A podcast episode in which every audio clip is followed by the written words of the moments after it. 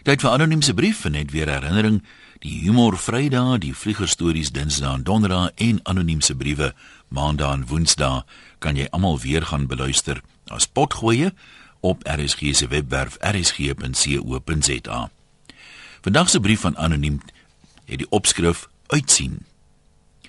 Aan die begin van die vakansie is 'n mens mos altyd in 'n goeie stemming, veral as dit 'n lang vakansie gaan wees. Maar dit kan tog nie die vakansie wees wat jou goeie bui veroorsaak nie.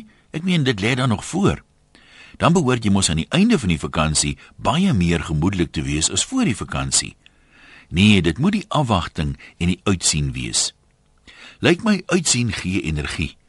Hier in die anonieme huishouding is ek die enigste een wat gereeld vroeg roer om die res van my span uit die bed te probeer kry, verg nogal manne moed.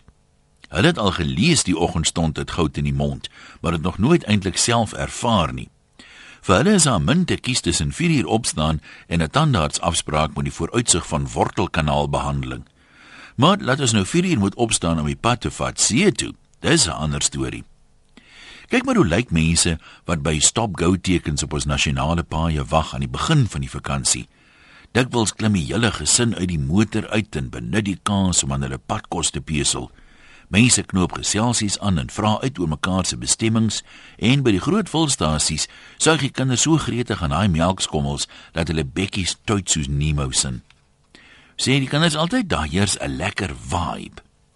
'n Mens sien uit daarna om weer ou vriende en familie te sien. Hulle het vergeet daai mense dat dit gewoonlik net 2 dae vat voor die eerste meningsverskille begin en jy weer opnuut onthou hoekom jy hulle eintlik minder gemis het as wat jy wou voorgee. Kyk nou hoe lyk daai selfde mense na 'n heerlike Kersvakansie op pad terug huis toe. Hulle skouers hang van al die rus en hulle is te moeg om te smile. As jy party van hulle so kyk en lyk dit of vakansie iets is wat eintlik liewer vir my moet word. Lyk my dis die uitsien na iets wat mens nuwe energie gee, eerder as die ding waarna jy uitsien.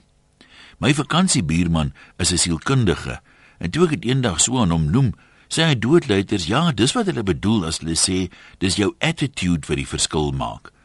Mense wat uitsien na die dag en opgewonde is oor wat die dag mag bring, geniet die lewe eenvoudig net meer en sien en benut die geleenthede op hulle pad baie beter al wag hulle by een van die lewe se stop go signs sê hy